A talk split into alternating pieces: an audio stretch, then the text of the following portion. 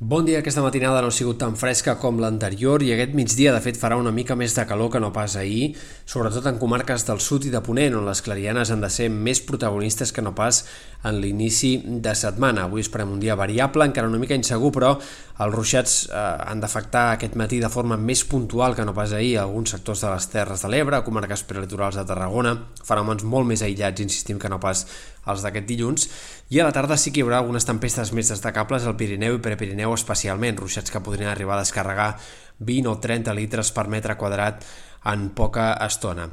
De cara als dies vinents, el que esperem és que el temps continuï sent una mica mogut. Aquest dimecres un altre cop inestabilitat i alguns ruixats i tempestes que han d'afectar sobretot comarques del Pirineu, Prepirineu, però també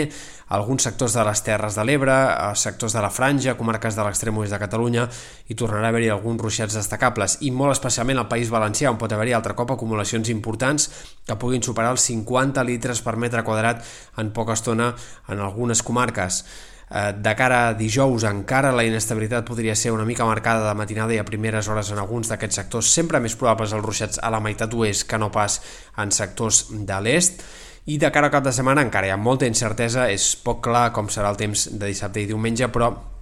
en tot cas, és més probable que els ruixats puguin seguir apareixent en sectors del Pirineu o de la Catalunya central, més que no pas en comarques de les Terres de l'Ebre o del sud, on han estat més probables en aquestes últimes hores i on ho seran també al llarg de les immediates. Pel que fa a temperatures, el cap de setmana no ha de canviar gaire l'ambient, és possible que faci una mica més de calor de cara a dissabte i diumenge i que la sensació tèrmica fins i tot pugui ser encara més estiuenca, per tant, de moment a curt termini i a mitjà termini també podríem dir